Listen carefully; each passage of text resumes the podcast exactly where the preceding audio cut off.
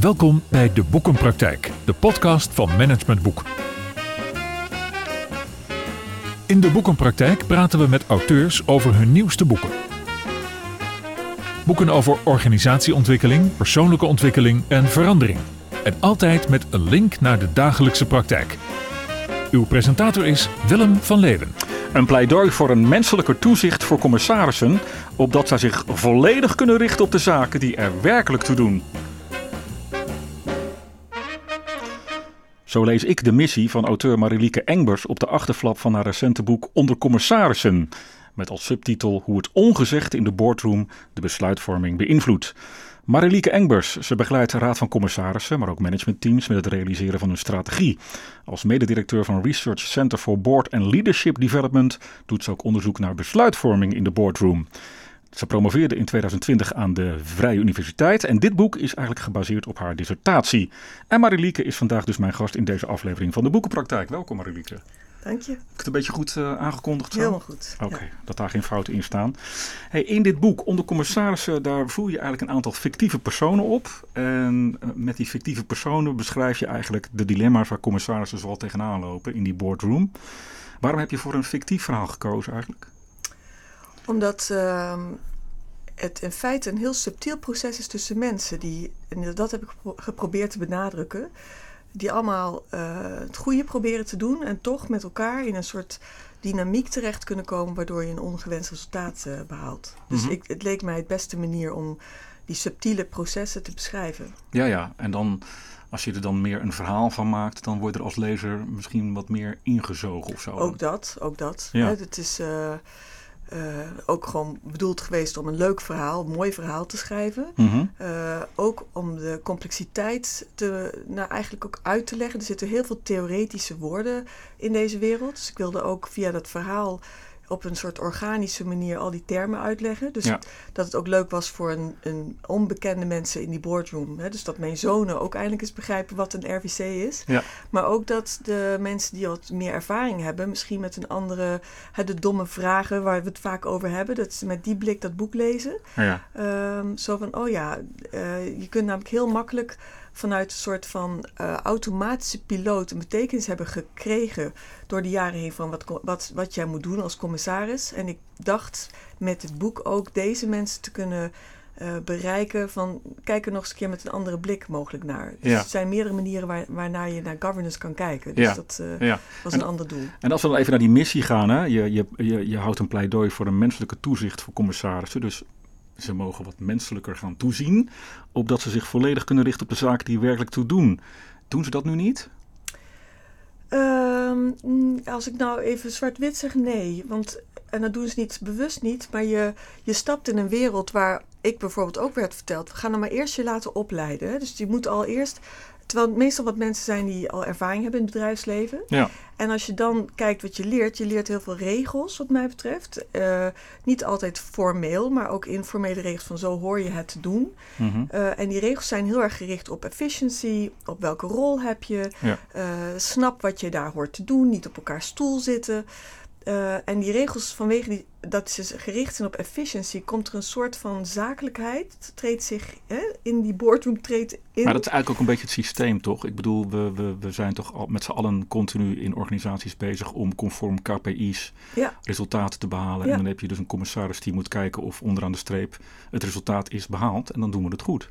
Zo, zo, zo dat is de, de grote aanname inderdaad. Ja. En die grote aanname stel ik ter discussie. Ja, Dus niet alleen maar in de boardroom, maar ik zou ook willen zeggen buiten de boardroom. maar waarom stel je hem ter discussie? Wat, wat maakt dat hij ter discussie gesteld moet worden? Omdat als je naar het gedrag van mensen kijkt, en dit is overigens al door Kahneman, uh, uh, de econoom, die dus de Nobelprijs heeft gewo ja. gewonnen, heeft al gezegd: we zijn niet zo rationeel als heel veel van deze regels veronderstellen. Ja. Dus als je die basis, dat basispremisse ter discussie stelt, dan ja, dat heeft ontzettend veel uh, effect. Maar wat gaat er, toch even, misschien ja? maak ik het te zwaar, maar wat, wat gaat er fundamenteel fout als we het niet ter discussie stellen? Wat is de urgentie om er toch meer naar te kijken? Omdat wat we dan in mijn ogen doen, is we gaan objectiveren. We gaan onze besluitvorming gaan we brengen naar de buitenwereld alsof dat gebaseerd is op een objectieve criteria, op basis van een objectief besluitvormingsproces.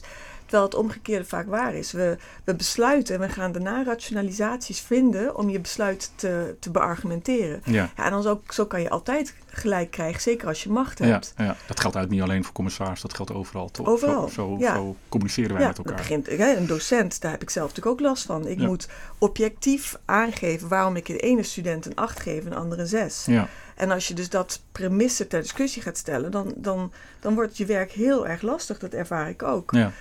Dus, Dus, dus we wat stellen het liever dan- niet ter discussie om een beetje de lastigheid uit de weg te gaan. Dat, ja, dat denk ik wel. En, Ja. Want dan kom je ook op, eh, als je een besluit neemt en alles is subjectief, waarom zeg je dan dat deze persoon een betere CEO is dan die? Mhm. Dan moet je eigenlijk, eh, als je dus die, die subjectiviteit erkent, dan moet je eigenlijk uit, moet je uitleggen van we hebben deze persoon gekozen, we weten dat het subjectief is, maar we proberen het te objectiveren. Daarvoor hebben we met elkaar gesproken en alle perspectieven bij elkaar gebracht. En dat hebben we op die en die de besluitvorming door, hè, door dat besluitvormingsproces zo doorlopen, Ja. waardoor je zeker weet dat het een eerlijk besluitvormingsproces is geweest. Ja, want laten we er even op inzoomen, hè, op zo'n eh, groepje commissarissen, wat wij dan heel formeel Raad van Commissarissen noemen. Dat zijn allemaal eh, individuen die overal vandaan geplukt zijn met heel veel kennis en ervaring, deskundige mensen, hoogopgeleide mensen, die aan de lat staan om een organisatie vooral te leiden, maar misschien ook wel te beoordelen, Mhm, toch? mhm. Ehm, zijn dat allemaal, ehm, moet, dat, moet dat een team zijn? Nou, daar, is al, daar heb je dus, eh, dat probeer ik ook in het boek aan te eh, reiken. Er zijn twee, ik noem dat paradigma's, niet voor niks, maar twee, simpeler gezegd, perspectieven op governance. Mhm. Paradigma Eh, is eigenlijk een, een set van theorieën hoe je naar de wereld kijkt eigenlijk. Ja, en wat daar belangrijk bij is, is dat er ook een handelingsrepertoire bij hoort. Ja. Dus als je op de ene manier kijkt, ga je ook op een andere manier handelen. Op Ja. de bijbehorende manier van handeling. En eh, de ene paradigma stelt dat het een team is. Je moet samenwerken, je moet echt eh, met elkaar zeg maar, tot besluit komen. De andere zegt van nee, je bent veel meer als individuele commissaris verantwoordelijk. En dus er zitten, zo kan je elk paradigma zie je elke keer terug. En en die ambiguïteit zie je ook in de praktijk continu terug. Dus de ene commissaris zal het als een team zien, de ander niet. Maar ze weten dat niet van elkaar. En dat, dat, is ook geeft niet, dat is ook niet formeel beschreven in een, in, een, in, een, in een governance van of het een team moet zijn of niet. Of in een, Nee, als je de governance code, daar kijk ik dan vaak naar, eh, bekijkt, dan probeer je dus ook te zien, zijn die twee paradigma's geëxpliciteerd? Mhm, En dat, dat staat er al niet expliciet in. mhm. Dus de lezer krijgt heel veel ruimte om, ja, om eigenlijk zijn eigen interpretatie op governance los te laten. Ja, en dan heb je natuurlijk behalve die commissarissen eh, een hele duidelijke relatie met de bestuurders. En die bestuurder kan zich ook heel erg bekeken voelen. Ja, dat komt ook ja. nadrukkelijk terug in jouw boek. Ja. Dus de, de kwaliteit van samenwerken tussen commissarissen en bestuurder is natuurlijk belangrijk, maar kan volgens mij ook eh, een gebrek aan transparantie inhouden. Want wat zou ik als bestuurder er, ermee opschieten om heel veel pijnpunten in mijn organisatie bloot te leggen? Ja. Dus niet doen. Verstoppertje spelen eigenlijk. Nou, dat is, dat is de gevoeligheid. Moet je het wel of niet doen? En eh, daar worstelen denk ik ook heel veel of bestuurders mee. Van hoeveel openheid kan ik geven? En dat hangt van het vertrouwen onderling af. Maar het lastige is, hoe, hoe meer vertrouwen er tussen een RWC en een RVB zit... eh, je zou kunnen zeggen, hoe meer ze een team worden... hoe meer ze ook het risico op groupthink lopen. Mhm. Dus je zou zeggen, je wil heel veel vertrouwen, want dan krijg je openheid en dan kun je dus echt goed besluiten nemen. Maar als die openheid betekent dat je te veel elkaars paradigma overneemt en te veel elkaar te vertrouwt en niet meer elkaar te discussie Dan word je een stelt, beetje te aardig voor elkaar. dan word je weer te aardig. Ja. Dus daarom stel ik ook dat je eigenlijk die, daar heel bewust mee om moet gaan.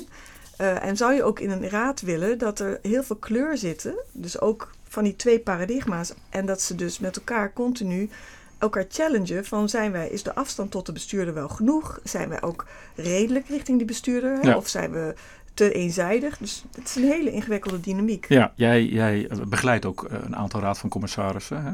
Eh, ik dacht eventjes toen ik Lara, de fictieve persoon in dit boek terug zag komen, dacht ik, hé, daar hebben we Marilieke zelf. Ja, dat heb ik. Ja, dat klopt. Ja, Ja, ik Met- heb geprobeerd om. Eh, want hoe je een RVC kan begeleiden als zelfevaluator hangt heel- ook weer af van jouw paradigma. Ja, ja. En ik wilde niet, ik dacht van nou, ik ga gewoon maar mijn eigen methode eh, opschrijven, want ik weet niet hoe anderen het doen. Mhm. En dit is ook wel de methode die ik uit mijn onderzoek probeer toe te passen. Ja. Dus ik probeer het ongezegde bespreekbaar te maken. En Wat is dat, het ongezegde bespreekbaar maken? Wat bedoel je daarmee? Ja, dat dat, is niet wat men vaak aannemen, dat het eh, spannende dingen zijn van goh, eh, er is een eh, eh, dat lijk in de kast en dat moet ik bespreekbaar maken. Het is nog veel subtieler. Het is dus die verschillende paradigma's eigenlijk eh, zichtbaar maken. Dus het is niet per se het spannende gedeelte, maar Mhm. veel meer elkaar leren kennen. Deze mensen kennen elkaar vaak heel slecht. Heb je een voorbeeld daarvan? Een, een paradigma bespreekbaar maken? Nou ja, ehm, wat ik daarmee bedoel eigenlijk is als ik naar mijn dataset kijk, dan Mhm. Eh, heb ik dus ook me afgevraagd, wat is eigenlijk een besluit? Want er wordt heel vaak niet expliciet een besluit genomen. Het is meer een sensemaking, een betekenisgevingsproces. En toen ik dus naar mijn, naar mijn dataset keek, bleek dus heel vaak dat mensen niet van elkaar wisten dat ze de situatie heel anders inschatten. Inschatten, ja. Dus als jij het goed vindt gaan en ik niet, dan werd dat vaak niet besproken. ja. En dat is wat ik eigenlijk het ongezegde bedoel van probeer bespreekbaar te maken. Hoe kijk je überhaupt naar de situatie? Ben je tevreden met de bestuurder? Ben je tevreden met de, de voorzitter? Ehm, Dus dat gaat ook over beleving. Dat gaat niet alleen maar over en feitelijkheden. dat is heel intuïtief, dat is heel subjectief. Ja. Dat blijft vaak onbesproken, want we hebben het over de agenda. Mhm. En die agenda gaat niet over jouw inschatting van de situatie, maar die gaat over een onderwerp. Ja, maar eh, even, hè, ik probeer me het even voor te stellen waarom dat dan zo is zoals het is. En we moeten ook even komen misschien dat we het niet te zwart-wit of zwartgallig schetsen. Maar ja, op het moment dat wij veel meer met elkaar gaan reflecteren op eh, hoe, hoe kijk jij naar deze organisatie en vanuit welke intuïtie en, en beelden en ik. Dan kom je ook wel erg dicht bij mensen. En dan kan het wel eens zijn dat, eh, dat je te veel in het licht komt te staan. Het is toch veel makkelijker om te zeggen, joh, jij commissaris, dat is jouw know-how, jouw portefeuille. Je bent van de financiën, ik ben de controller of weet ik veel. Eh, eh, ik vertrouw op jouw eh, kennis, kennis en kunde en andersom. Is dat Ja. niet veel, veel, veel makkelijker en veel prettiger? Dan houden we het. Makkelijker, het is prettiger, maar ehm, ja, als we kijken naar de grote vraag van willen we debakels voorkomen, maar ook belangrijker denk ik is willen we goede besluiten nemen gezien al die uitdagingen die voor ons liggen, hè, dan de jeugd, de toekomst van onze jeugd en, en creëren we samen wel een goede toekomst voor hen. Mhm. Als je dus vanuit dat, dat beeld kijkt, dan, Ja. dan ja, leg ik het lat wel iets wat hoger en vind ik het niet zo belangrijk of het prettig is en efficiënt, maar meer van eh, in een ideale wereld, wat zouden we dan wensen? Ja, Want als we dat ideaal niet schetsen, kunnen we ook niet nu het gesprek organiseren om te kijken hoe we naar dat ideaal toe kunnen.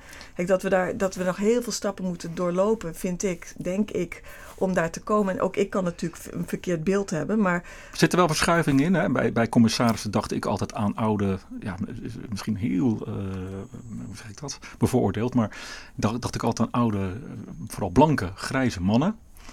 Eh, eh, is dat nog steeds zo? Ik denk dat er wel een verschuiving is. Ik zie ook in de cultuursector, als ik daar eh, met hen praat, zie je daar ook letterlijk meer kleur, gelukkig. Ehm, en ik denk dat er een soort van apenrots is. Dus ik denk dat in de corporate organisaties, daar heb je waarschijnlijk nog meest eh, witte mannen en ook vrouwen die, die het gedragspatroon laten zien van deze eh, witte eh, ja, groep. Om het heel erg stereotyp neer te zetten. Ehm, maar ik zie ook bij andere soorten RVC's. Ik ben heel actief in de woningcorporatiesector. En die zijn ook door dit boek heel erg, denk ik, in gesprek geraakt met elkaar. En het leuke is als je zeg maar het over de ro- rol van de voorzitter hebt. En hoe zou je dat kunnen inkleden. Zie je een hele grote creativiteit ontstaan. In de zin van dat ze het wisselend voorzitterschap of zo? Ja, van hoe kan je die, die rol eh, eh, op meerdere manieren invullen. Mhm. Want nu wordt die zo aan één persoon gehangen. Ja. En dan moet die persoon alles goed kunnen. En als hij niet alles goed kan, Ja. dan is iedereen daarvan afhankelijk. En dat is wel een dilemma. Tenminste, dat, dat lees ik wel in dit boek, in dit verhaal. Jan Jaap, de voorzitter, heeft wel heel veel macht. Ja, en ik denk dat dat echt op heel de vaak... Ja, Ja, en houdt dus veel onder de tapijt. Eigenlijk Nou, dat, dat zullen ze zelf niet denken. Ik denk echt dat heel veel voorzitters denken dat ze het goed doen. En ook heel sensitief ook proberen te zijn op het ongezegde. Maar ze zijn ook maar mens. Ja, Dus eh, in die discussie met die RVC's die wat eh, ja, aan het exploreren zijn, zie je dus ook dat het werkt. Want dat heb ik echt al teruggehoord. Dat als de voorzitter naast hem of haar een andere persoon heeft die echt gewoon zich verantwoordelijk voelt voor, de, voor het ongezegde, voor Mhm. de subtiele verschillen in, in zo'n vergadering. Dan zie je al dat dat lucht geeft. ja. Eh, ik had van de week een gesprek met mensen die hadden het over... ja, moeten we niet een technisch voorzitter hebben... zodat alle commissarissen gewoon evenredig over de inhoud kunnen praten. Ja. En laat dan de, de secretaris technisch voorzitter zijn. Die alleen het proces begeleidt of zo. Of- Ja, of gewoon de inhoud en de agenda of de timing. En, maar dan zijn de commissarissen nog steeds verantwoordelijk voor de agenda. Ja. Maar die technisch voorzitter probeert gewoon... en weet je, dat, Ja. dat levert in ieder geval hele leuke, Ja. eh, creatieve gesprekken op. Kun je wel stellen in zijn algemeenheid dat eigenheid en het hebben van een andere mening in veel raad van commissarissen not done is? Ehm, Is dat wel een beetje de teneur? Van de inhoud mag wel, denk ik, vaak gezegd worden. Hangt af van wat de inhoud is. Zeker de inhoud mag wel gezegd worden. Eh, maar de stijl waarop je het doet, dat is, dat is van belang. Dus je moet het allemaal wel op een hele prettige manier zeggen. Dat is van belang.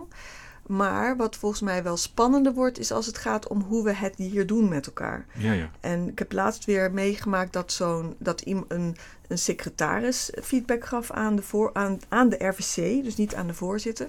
Maar de voorzitter wel meteen reageerde op die inhoud. Zo van ja, maar ja, maar. Hè? Dus de ja, maar. Heeft dat met pikorde te maken dan? Dat de secretaris dat niet mag doen? Of? Nee, nee, nee, nee. Het was Oh. meer die inhoud die, die doet dan denk ik gewoon pijn. Zo van ja, hoezo, wij doen het goed. En, dan, Oh, ja. en de voorzitter voelt zich dan toch blijkbaar aangesproken. Want die is, voelt zich ook vaak verantwoordelijk voor dat proces in die RVC. ja. Dus dan krijg je feedback en dan zie je dus die reactie. En dan zie je die andere commissarissen eh, stilvallen. zijn Want dan wordt beetje- het pijnlijk. We zijn ook een beetje bang voor een conflict, hè, denk Ja. ik. Hè? Jij hebt Ja. het over inhoudelijk en relationeel conflict. Ja. En we zijn bang, als ik jou goed begrijp in je boek, dat we van het inhoudelijke conflict te snel naar een relationeel conflict gaan. Wat betekent dat trouwens? Dat als jij en ik van mening verschillen, dat ik al heel snel iets van jou ga vinden. Oh ja. Dus eh, in plaats van dat ik denk van, goh, jij, jij vindt mij niet goed functioneren, maar het is eigenlijk heel interessant, want eh, verschillende ideeën over hoe je deze rol kan vervullen is heel interessant en ik heb die feedback nodig, Mhm. eh, kan ik heel snel denken, ja, Willem, bedenk je wel niet. Eh, Dus- ik weet echt wel wat ik doe en Oh ja. dus daar gaat het niet meer over wat Willem zegt, maar dan gaat het over Willem ja, gewoon een de boodschapper, zeg hè? Don't shoot the messenger. Ja, ja. Nou, dat is een mooi bruggetje naar onze stellingen, Marilieke. Gaat het fijn zo? Ja, zeker. Ik heb drie stellingen voor je. Verzoek is om eerst echt even met eens of oneens te antwoorden. En daarna eh, komen we er al even verder op terug. Stelling 1. Het aangaan van conflicten is juist goed voor de groei van een team. En verbetert juist op langere termijn de onderlinge relaties binnen dit team. Oké, ik ga voor eens. Eens. Ik kom zo meteen wel even terug op dat lachje. Stelling 2. Hoe hoger in de top, hoe groter de belangen, hoe meer er ongezegd blijft. Eens. Stelling 3. Het fenomeen dat zaken ongezegd blijven is niet te veranderen, omdat we in de kern aardig gevonden willen worden en dus niet afgewezen willen worden en ook nog eens bang zijn voor een slechte beoordeling. Oneens. Oei. Oké, eerst even naar die eerste stelling. Je moest daar een beetje bij lachen. Ik zag je ook een beetje twijfelen. Het aangaan van conflict is juist goed voor de groei van een team en verbetert juist op langere termijn de onderlinge relaties. Je zei toch dat je het daarmee eens bent. Ja, ik moest van jou kiezen. Ja. Maar het is voor mij natuurlijk, het hangt af van hoe dat conflict ge- eh, gezocht wordt. Dus ehm, Dat snap ik niet. Hoe bedoel je dat?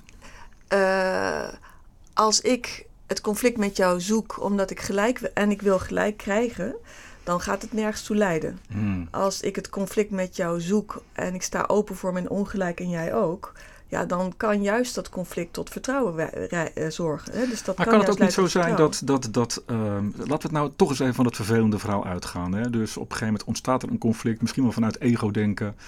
Dus wij, wij, gaan, wij, wij zoeken elkaar niet meer op. Wij zijn niet meer elkaars vriendjes, een beetje de Thomas in dit, eh, in dit boek. Dat geeft zoveel wrijving en zoveel emotioneel gedoe, dat dat misschien juist ervoor zorgt dat mensen op den duur wel van die emotie af willen. En, en toch eens gaan in een kamer gaan zitten en zeggen: We moeten dit eens uitpraten, want ik lig hier wakker van.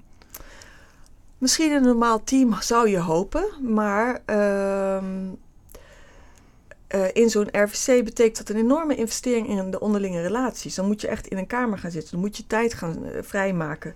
Vaak niet alleen maar tussen jou en die ander, maar ook met allemaal. Want iedereen is, is eh, aanwezig geweest om het. Iedereen heeft die- dat conflict zien ontvouwen. Ja. Hè? Dus iedereen heeft er een mening over. Dus je moet bijna het hele team moet je weer betrekken om dit op te ruimen. En het kost gewoon heel veel tijd. Zeker Ja. als het al enige tijd heeft geëscaleerd. En dan kan ik me dus voorstellen, wat ik dus ook wel veel zie, is dat zo'n RVC-lid ook vertrekt. Want Ja. dat is de makkelijkste manier, kunnen we opnieuw beginnen. En dat begrijp ik, gezien de tijdsfactor. Deze Ja. mensen werken parttime. Mhm. Eh, die hebben vaak andere drukke banen. Ja. Eh, om het collectief van de RVC bij elkaar te krijgen is gewoon bijna ondoenlijk. Dus je gaat dan efficiënt zo'n conflict managen. Ja, en dat kan bij eh, een RVC. Hè. Dan kan je zeggen, nou, we gaan afscheid van deze meneer of mevrouw nemen. Dat is in een team natuurlijk, met vaste dienstverbanden, wat, eh, wat lastiger. Dan zitten we ermee opgescheept, toch? Dan kunnen we niet zeggen, goh, haal de rotte appel tussen aanhalingstekens, of de andersdenken in dit geval, maar uit het team. Uh, ja, dat klopt. En dat levert volgens mij ook heel veel. Uh, als ik zo om me heen kijk, uh, over de jaren heen, dan levert dat ook slapeloze nachten en, en waarschijnlijk stress op. En uiteindelijk gaat toch iemand naar een andere afdeling of vertrekt uit het team, letterlijk. Hè? Ja. omdat we denk ik toch niet voldoende leren om met conflicten om te gaan. Ja. Even naar die tweede stelling, hè. daar was je het ook mee eens. Hoe hoger in de top, hoe groter de belangen, hoe meer ongezegd blijft. Dat is wel apart. We hebben toch te maken met hoogopgeleide mensen die volgens mij wel iets van reflectie en zelfreflectie kunnen doen. En toch ontstaat dan meer het gesprek in, de, in het toilet en bij, op het parkeerterrein, zoals jij schrijft, dan in binnenskamers. Hoe komt dat toch? Wat is dat? Ja, ik zie, ik zie de apenrots, hè, ik zie een soort apenrots uh, voor me. Um, dus te veel ego? Nou, kijk, hoe hoger je ook komt hè, op die apenrots, zo zeg ik het maar even. De complexiteit van de opdrachten wordt natuurlijk ook groter. Dus je, je trekt ook mensen aan waarvan je denkt, nou die, die kunnen die complexiteit aan. Die hebben het al eerder bewezen. Uh, die mensen hebben ook, denk ik, al vaak doordat ze zichzelf bewezen hebben, ook wat meer overtuigingskracht. Niet alleen naar de, naar de omgeving, maar nou ook naar zichzelf. Mhm. Dus als die groep mensen bij elkaar komt, krijg je natuurlijk ook meer botsingen. Want het zijn allemaal overtuigde mensen Ja. die, ja, als ze allemaal zouden zeggen en krijgen wat ze willen, dan, nou ja, dat zou knap zijn. Dus wat doe je? Je gaat gewoon eh, heel professioneel om met je rol. Ik ga niet op jouw stoel zitten, jij ook niet op mijn. Maar wat is dan- professioneel? Ik bedoel, ja, je kunt ook dus zeggen, professioneel, maar het lijkt, laten we een competentieprofiel maken waar, waar sensitiviteit en empathie wat meer in terugkomt bijvoorbeeld. En laten we daar de mensen eens op werven en selecteren. Ja, je zegt empathie. Ik, zou, ik heb het woord reflexiviteit in mijn hoofd. Ja. Dat is weer zo'n woord. Maar eh, bedoel, daar bedoel ik mee te zeggen is dat mensen ehm, in staat zijn, en daar heb je wel empathie en perspectief nemen voor nodig, Mhm. is dat je je kunt echt kunt verplaatsen in die ander. In zijn redenering, in zijn denkwijze, in zijn taal, hè, in zijn stijl ook. En dus dat je ook soms... Kijk, als, het, als er echt een conflict komt, wordt het ook spannend. En Ja. gaan mensen ook soms qua stijl onhandig gedragen. En daar moet je als de ander doorheen kijken. Om eigenlijk daar doorheen te werken. Om dan vervolgens bij die inhoud te komen. Mhm. En als het emotioneel is, dan gaat, gaat het daar onvoldoende over. Gaat het meer over die stijl dan over de inhoud. Ja. En dat vraagt meer om wilskracht, zou ik bijna willen zeggen, dan intelligentie. Ja. Het is de wilskracht om tegen je eigen idee dat je gelijk hebt eh, in te gaan. Ja. Dus dat is. Zullen we eens eventjes een beetje uitzoomen? Misschien even bij die commissaris ook vandaan. Hè? Ehm, en dan kom ik ook een beetje terug op die derde stelling. Wij, wij we worden geboren en we worden niet anders getraind, denk ik al, vanaf onze opvoeding. eh, In het eh, in, in voorkomen dat je afgewezen wordt, dat je aardig gevonden wordt. Hè? Dan krijg je ook de borstvoeding en het eten en de aandacht van papa en mama, Ja. et cetera, et cetera. Dat, en ik zie nog steeds, jij noemt dat ook volgens mij CEO-disease. hè, Dat we bang zijn voor de mening van met name de, de, de, de CEO, dus de baas. Hè, In hiërarchische culturen zie ik dat nog heel veel. Oftewel, ja, ik vind dat zo'n taai proces om dat te doorbreken. Dat we gewoon echt niet meer ons primair bezighouden met afgewezen worden door de ander. Jij zegt dat is te doorbreken, want die was het niet eens met die stelling dat dat leidend is. Nou, ik denk niet dat we het kunnen afleren, want dat is wat je zegt ook vanaf jongs af aan. En je hebt ouders waar je afhankelijk van bent en leraren. En eh, nou denk ik wel dat hoe ouders nu met hun kinderen omgaan wel weer anders zijn in de huidige generatie dan mijn ouders met kinderen bij wijze van spreken. Dus daar zie je een ontwikkeling. Ik vind op scholen dat veel minder. Ik denk dat scholen nog, de Ja. leraar op de middelbare school nog heel erg zoals ik lesgeef, hè, dat dat patroon niet erg veranderd is. Helaas. Maar ik denk dus wel dat, dat we iets kunnen bedenken. eh, waardoor het collectief, de collectieve intelligentie, jou beschermt tegen jouw onredelijkheid. Hm. Dus waar volgens mij nu je, je eh, zeg maar een Poetin alle ruimte krijgt om zijn, met zijn gedrag manipulerend iedereen uit elkaar te spelen, ja. denk ik dus dat je een, een proces kan ontwerpen waarin je dat, eh, dat gedrag niet meer een kans geeft, omdat je het collectief gebruikt. Hoe, hoe Dus bedoel je als dat? Dat snap, snap ik niet Ja, als jij onredelijk bent Ja. en wij weten met elkaar dat onredelijkheid erbij hoort. Mhm. Jij mag onredelijk zijn, je bent nu emotioneel, je wordt geraakt. Ik word minder geraakt, een ander wordt ook minder geraakt. Dan zeggen we, goh Willem, ga eens even koffie drinken. Volgens mij word jij nu getriggerd. Als we daar allemaal niet meer zo spastisch over zouden doen... dan zouden we daar eigenlijk een soort van... Oh, nou, nou ga ik een zweverig, een zweverig woord gebruiken... met liefdevol naar jouw eh, onhandigheid kunnen kijken... Ja. Nu is het zo dat we ons daarvoor schamen. En met die schaamte kunnen de slimmere mensen, en dat zegt niet dat ze dat bewust doen, maar daar kunnen ze wel gebruik van Ja. maken. Dus eigenlijk moeten we ehm, ja, eh, emotie en emotievol kunnen zijn, Moeten we, minder, moeten we meer uit de taboesfeer halen? Ja. ja. ja. Dan vind ik het wel interessant dat jij dan liefdevol een zwevend woord vindt. Alsof er ook een taboe op het woord liefdevol Ja, zit. dat denk ik. Nou, dat, dat is zo'n woord wat natuurlijk haak staat op zakelijkheid en op, Ja. op efficiëncy en rationaliteit. Wat volgens mij wel in die boardroom context, waar je van, waar je, als je daar goed in was, kwam jij er juist. Ja, ja. Dus ehm, Zullen we dan eens even, want het is mij wel duidelijk hoe, hoe, hoe dat zeg maar plaatsvindt en wat er allemaal gebeurt in zo'n boardroom, voor zover eh, ehm, je alles al hebt kunnen behandelen natuurlijk, want je zei voor, in het voorgesprek er is nog veel meer wat we nog niet weten, maar daar gaan we nu even niet naartoe. Nu de, de oplossing. Hoe haal je het ongezegde toch meer op tafel? Wat Ja. is, noem eens een heel praktisch iets. Wat zou je kunnen doen? Als, ik zit te luisteren en ik denk, ja, ik, ik zit ook in een team, hoeft niet eens commissaris te zijn, waar heel veel gewoon niet gezegd wordt. ja, wat ik doe nu, met, ook met MT's, dus niet alleen maar met de RVC's, is eh, tijd nemen om met elkaar te delen hoe vind je het nu gaan. Dus niet naar de oplossingsrichting, eerst van hoe vind je het nu gaan.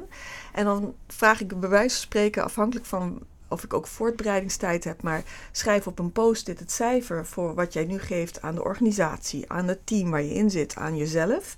En dan kan je nog iets, hè, de toekomst. Geef cijfers. Heel subjectief. Dus ik heb het niet over de objectieve cijfers. En schrijf even op de associatieve woorden die dan bij dat cijfer omhoog komen. En laat dat aan elkaar zien. Ja. En dan zeg ik ook van nou, het cijfer wat je nu aan elkaar ziet, is, geeft. Of aan, elkaar laat zien, is waarschijnlijk niet het echte cijfer. Want je gaat bij het opschrijven van het cijfer al rekening houden van als ik mezelf een 10 geef, dan vindt iedereen mij ontzettend eh, zelf ingenomen. Ja. Dus neem, maar ga even met elkaar praten over eh, wat het proces, wat doet dit met jou? Dit, dit zichtbaar maken van hoe jij naar die situatie kijkt. Want dat is al heel spannend. Ja, Als ik de organisatie een 8 geef en jij een 6, ja. dan, hebben hebben we eigenlijk al een gesprek. Ja, ja, ja, ja. En als je weet hoe iedereen elkaar hè, de situatie inschat, dan kan je ook de agenda bepalen van goh, hier zit een grote variatie. Maar zit daar ook niet een, eh, ik vind het een heel mooie aanpak, die staat ook uitgebreid in het boek beschreven, maar zit daar ook niet al een, een, een, een reflex in tot aardig blijven in de zin van nou, als ik ons team een cijfer moet geven, laat ik het dan maar, ik, en ik vind het eigenlijk een vijf, laat ik het dan toch maar een zesje geven, want zo dan krijg ik, eh, moet, Ja. ik, moet ik met de billen bloot, moet ik nog gaan uitleggen Ja. waarom ik het onvoldoende vind, et cetera, et cetera. Daarom, daarom zeg ik ook, zie het als een proces. Want zie dit als een eerste oefening. Het moet niet bij de eerste oefening blijven. Dit zou je liever elke keer terug laten komen, dit gesprek. Ja. Waarbij je dus twee componenten hebt. Je gaat het over de inhoud hebben. Mhm. Maar je gaat het ook hebben over hoe eerlijk ben je geweest. En wat houdt je tegen om kritisch te zijn. En, Ja. en dat is misschien nog wel veel belangrijker, dat gesprek, dan die inhoud. Ja, ja. Ik, ik ken een team bijvoorbeeld waarin mensen een gebrek aan vertrouwen en veiligheid voelen hè, om hun mening te geven. Dat is ook het, het thema zeg maar, waar- waarom we daar met, met ze opgaan. Wat er overigens wel toe leidt dat ze ergens anders eh, wel over elkaar praten en lekker gaan roddelen. Ja, ook een ja. bekend fenomeen. Ja? Ehm, hoe krijg je dat dan weer succesvol in termen van veiligheid en vertrouwen? Is dat dan zo'n aanpak met die cijfers, zeg maar, om daarmee te beginnen? Nou ja, als er eenmaal een conflict is, dan. dan ehm, eh, ja, ik vind dan eigenlijk een creatieve. Dan, het woord dat bij me omhoog komt is creativiteit. Want je moet niet dan per se. eh, altijd in één grote zaal gaan zitten. Dan ga je een analyse maken tussen wie is het met name een probleem. Eh, als het probleem al zo groot is dat mensen elkaar eigenlijk niet meer kunnen leiden of zien, dan kan je afvragen of er echt niet geïntervene- geïnterveneerd moet worden. Want uiteindelijk ben ik toch wel een econoom. Mhm. Ehm, eh, kijk, in een thuissituatie waar je met kinderen en met ouders zit, dan denk ik dat je eeuwig in therapie zou moeten willen. ja. Maar als econoom denk ik van ja, maak een inschatting van hoe groot is het probleem. Mhm. En misschien moet je toch eh, het team anders gaan, eh, een ander team creëren met andere mensen. ja. Oh, Maar tegelijkertijd is het ook wel weer zo, volgens mij, dat ehm, je zei al in het begin ook bij die commissarissen, ze komen met de juiste intentie hun bed 's ochtends uit. hè. Je zei het net even anders, maar iedereen doet volgens mij zijn stinkende best 's ochtends om gewoon het ander niet te moeilijk te maken en Ja. gewoon zijn werk goed te doen. Dus mensen schrikken ook wel weer als die, als die shit op tafel komt, zeg maar. En zijn misschien juist ook alweer geneigd om eh, wel naar een oplossing te kijken. Ik vergelijk het een beetje, misschien een rare vergelijking, maar ik rij wel eens te hard op de snelweg. Maar als ik dan vlak voor mij een ongeluk zie gebeuren, ga ik me wel een snelheid houden. Want dan komt ineens heel dichtbij. Dus is het toch niet goed om gewoon, nou ja, al die ellende maar, eh, dat gedoe maar gewoon eens op tafel te gooien met elkaar. En dan maar eens te kijken of er, eh, wat- ja, wat er gebeurt. En dat, dat, dat alles mag leiden. Ja, ik moet dan denken aan eh, als ik met acteurs werkte, dan kon je ze instrueren met is de ondertoon, ik heb het helemaal met jou gehad en ik heb geen vertrouwen meer en ik heb geen zin om in jou te investeren, dan, dan geloof ik niet dat er, Nee, dan is het echt wel heel bijzonder als er iets gebeurt Ja. waardoor dat gevoel weggaat. dan is er ook een andere intentie, denk Ja, ik. en als een acteur het speelde vanuit ik heb het ontzettend met je gehad. eh, maar ik, ik wil er wel aan werken of ik zie echt nog wel kleine gaatjes, dan, dan moet je met die kleine luikjes moet je doen. En, dan- Ja. en dat is echt wel creatief zijn. Ja. Eh, luisteren naar wat is nou eigenlijk het grootste, de angel en eh, in welke vorm en met welke mensen. Dus het is echt een soort van, je moet dan het gesprek designen. Wie moet je met wie in welke volgorde waarover laten praten. En dat Ja. is wel maatwerk. Ja, ja, ja, ja, mooi. Ehm, wat ik ook interessant vond in jouw boek is, ehm, je hebt het over intentie en gedrag. En dat het daar vaak fout gaat, zeg maar, in elkaar begrijpen, noem ik dat. Kun je dat uitleggen, hoe dat zit? Ja, ehm, ik vind dan een of andere wetenschapper, Lee Ross, dit heel mooi aangeven. Dat als wij, als jij gedrag vertoont wat ik eh, niet begrijp, omdat het niet vanuit mijn eigen logica is, dan ga ik jouw intenties toedichten. Dan ga ik speculeren over jouw motieven. En hij noemt dat dus de false attribution error. Dus ik ga jouw valse eh, eh, dingen attribueren aan jou, gedrag of kenmerken. Ja. Ehm, maar andersom ook. En eh, jij weet wat jouw intentie is. Ik ken jouw intentie niet. Ik zie alleen jouw gedrag. Het is een beetje Andersom zo van, eh, jij, jij doet zo, dus jij bent zo. Weet je dat? De Ja. persoon wordt Ja. er helemaal mee ver- ver- vereenzelvigd geïdentificeerd. met het gedrag, maar ik weet niet hoe ik overkom. Dus ik weet niet hoe jij nu mij ziet. Als jij me niet teruggeeft wat ik doe, dan eh, kan ik me ook niet corrigeren. Dus als Mhm. ik zeg dat mijn deur staat open, maar je ervaart het zo niet en je vertelt het mij niet, kan ik me dat kan ik ook niet uitleggen. Oh, maar op dat moment had ik inderdaad toevallig de deur dicht. Of goh, ik realiseer me eigenlijk niet dat ik iets anders zeg dan dat ik doe. Maar dat gesprek is al heel spannend. Hè? Ja. Een vader die schreeuwt, schreeuwt naar zijn kind, je mag niet schreeuwen. Om die vader dat te vertellen van heb jij door dat je iets anders zegt dan dat je doet. ja, Dat is heel pijnlijk. Ja. Want je weet al, die gaat waarschijnlijk defensief reageren. ja. En defensief reageren betekent dat je in de vecht vlucht. of, eh, Vechtvlucht, eh, eh, pleasen of freeze, hè, de bekende. Ja. Zullen we eens even naar dit gesprek, eh, zullen we even reflecteren op dit gesprek? Is er nog iets ongezegd gebleven wat jou betreft of niet? Ik geloof het niet. Ik ben heel hard aan het werk om naar jou te luisteren en eh, ehm, om antwoord te geven op je vraag. Mhm. Dus eh, ehm, ik heb het ook zo geleerd dat als er inco- inconsistenties of incongruentie ontstaat, dus als jij iets gaat doen wat ik niet begrijp, dan gaat mijn gedachte daarnaar en Mhm. dat heb ik nu niet. Dus ik heb niet vanuit mij geredeneerd, loopt het lekker. Ja, ja, ja. Dus Ehm, geldt dat ook voor jou? Jazeker, ja, zeker. Wat, eh, wa- wat ik merk is dat ik, ehm, zonder dat ik het, ja, ik, ik stel het dan nu even aan de orde, omdat we nu even aan het reflecteren gaan. Maar wat ik soms merk is ik, dat, ik da- dat ik denk, misschien ook een beetje, dan zit ik altijd te denken voor de ander, namelijk voor de luisteraar. Van, oh, ik moet het even uit de wetenschappelijke termen halen. Dus dan ga ik proberen om het iets. Ja, en als ik zo'n false Janneke. attribution error zeg, ik heb van de week feedback gehad van, ja, als je Engelse termen gebruikt, dan haak ik af. Dus daar moest ik natuurlijk onmiddellijk wel aan denken. Oké, Eh, dus dan merk ik dat daar wel even mijn gedachte Ja. naartoe gaat. ja. Ehm, maar dat zit niet tussen jou en mij. Dat is meer van, oh Marilieke, even opletten dat je niet veel Engelse woor- woorden gebruikt. Zelfkritiek, zeg maar. Mhm. Maar wat ook, we hebben natuurlijk denk ik een gemeenschappelijk doel nu, jij en ik. Want wij willen dat dit gesprek, ja, dat we de inhoud goed overdragen, dat het interessant is voor de luisteraar. Ehm, dus onze belangen zijn denk ik nu gelijk geschakeld. Ja. Eh, daar zijn we dus nu even een klein teampje in met Ja. een duidelijk doel. Ja, ja, ja, dat is wel belangrijk, ja. Ja, dat je met elkaar een gedeeld doel hebt en ook ja, elkaar. En dat ook misschien, dat hebben wij nu niet gedaan, maar, maar dat, dat namen we wel van elkaar aan. En dat blijkt ook zo te zijn. Maar misschien dat je dat in een team nog wat explicieter aan de orde mag Ja. stellen. Zitten we hier wel met hetzelfde doel Ja, in Als ik mijn studenten vraag in het begin, die moeten in een team werken, dan zeg ik van goh, bespreek met elkaar eens even welk cijfer je wil halen. Mhm. Eh, want, en dan blijkt dus dat ze niet van elkaar weten dat de ene cum laude wil eh, st- afstuderen en de ander niet. En dan moeten ze dus ook bij mij met elkaar afspreken van goh, als je, als je dat cijfer wil halen, ben je ook bereid om de input te gaan leveren die erbij hoort. Ja. Ga er met elkaar van tevoren, hè. dus dat Ja. niet op het einde. En dat levert bij, en dat zijn mensen die al twee jaar met elkaar samenwerken. En dan ontdekken ze dus dingen die ze daarvoor niet van elkaar wisten. Eigenlijk zijn we ook heel, heel, heel slecht, als ik het wat normatief zeg, in het managen van verwachtingen naar elkaar, Ja. volgens mij. Hè? Ja. Ja. En dat is precies waar het fout gaat. Want als jij een andere verwachting hebt dan ik, Ja. en dat weten we niet van elkaar, ja, dan kan je heel makkelijk elkaar misverstaan. En dan ontstaat het ongezegde. En dat wordt dan weer niet besproken. En dan kan het een spiraal worden van Ja. ongezegde. Ehm, nog even terug naar de waardering. Je was genomineerd voor het managementboek van het jaar 2021. Je bent het net niet geworden, terecht. Dat ik het niet ben geworden. Eh, nee, natuurlijk niet.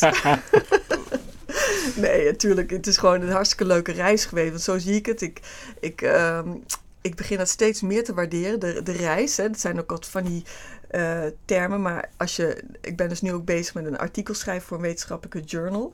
En ik heb toevallig mijn vriendin, uh, een Armeense vriendin, gebeld die ook promoveert en ook uh, gepromoveerd is en artikelen schrijft. En ongeacht of ze mijn paper nu wel of niet accepteren, als ze het accepteren, dan echt, ik, dat is de grootste prestatie ever, echt. Ja. Maar het proces is al zo fantastisch. Echt waar. De, En dat was hier ook. Het was een feestje, de aandacht voor je boek. Uh, het is appels met peren vergelijken. Het andere boek is ook natuurlijk ontzettend belangrijk. Diversiteitsthema, belangrijk Inclusiemarathon, ja. Ja. ja.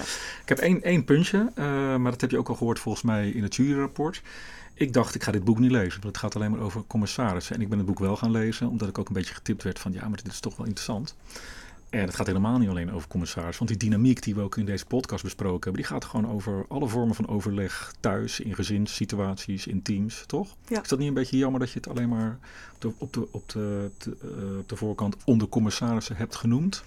Ja, elk voordeel heeft zijn nadeel, hè? Ja, kijk, dan gaan we Cruijff nog even uh, citeren. Uh, een vriend van mij, uh, Boudewijn Smit, had het idee om dit boek zo te noemen... met een soort kwinkslag natuurlijk naar onder professoren. Mhm. En ik ben natuurlijk ook in de wetenschap betrokken, dus dat vond ik een prachtige... maar allerlei redenen vond ik het een prachtige titel. Dus daar heb ik verder niet over nagedacht. Um, dus ja, in die zin is het wel een nadeel marketingtechnisch... Uh, maar in de, ja, die commissarissenwereld is wat mij betreft zo belangrijk. Want de Ja. cultuur in die, in die wereld heeft ook weer impact op de andere wereld, zeg maar. Het is toch een soort van leiderschap. En de conclusie is wel, als eh, ik jouw boek lees en ik denk dus aan die wereld, daar moet nog wel het een en ander gebeuren. Ja, Ja, eens. eens. Dankjewel voor jouw deelname aan deze aflevering van de Boekenpraktijk. Zit ze met een grote glimlach naar me te kijken. ja, dank dat ik hier mocht zijn. Ja, nou, ik vond het heel interessant. Fijn dat we veel gezegd hebben en dat weinig ongezegd is gebleven. Dat gun ik iedereen hoor, zowel zakelijk als privé.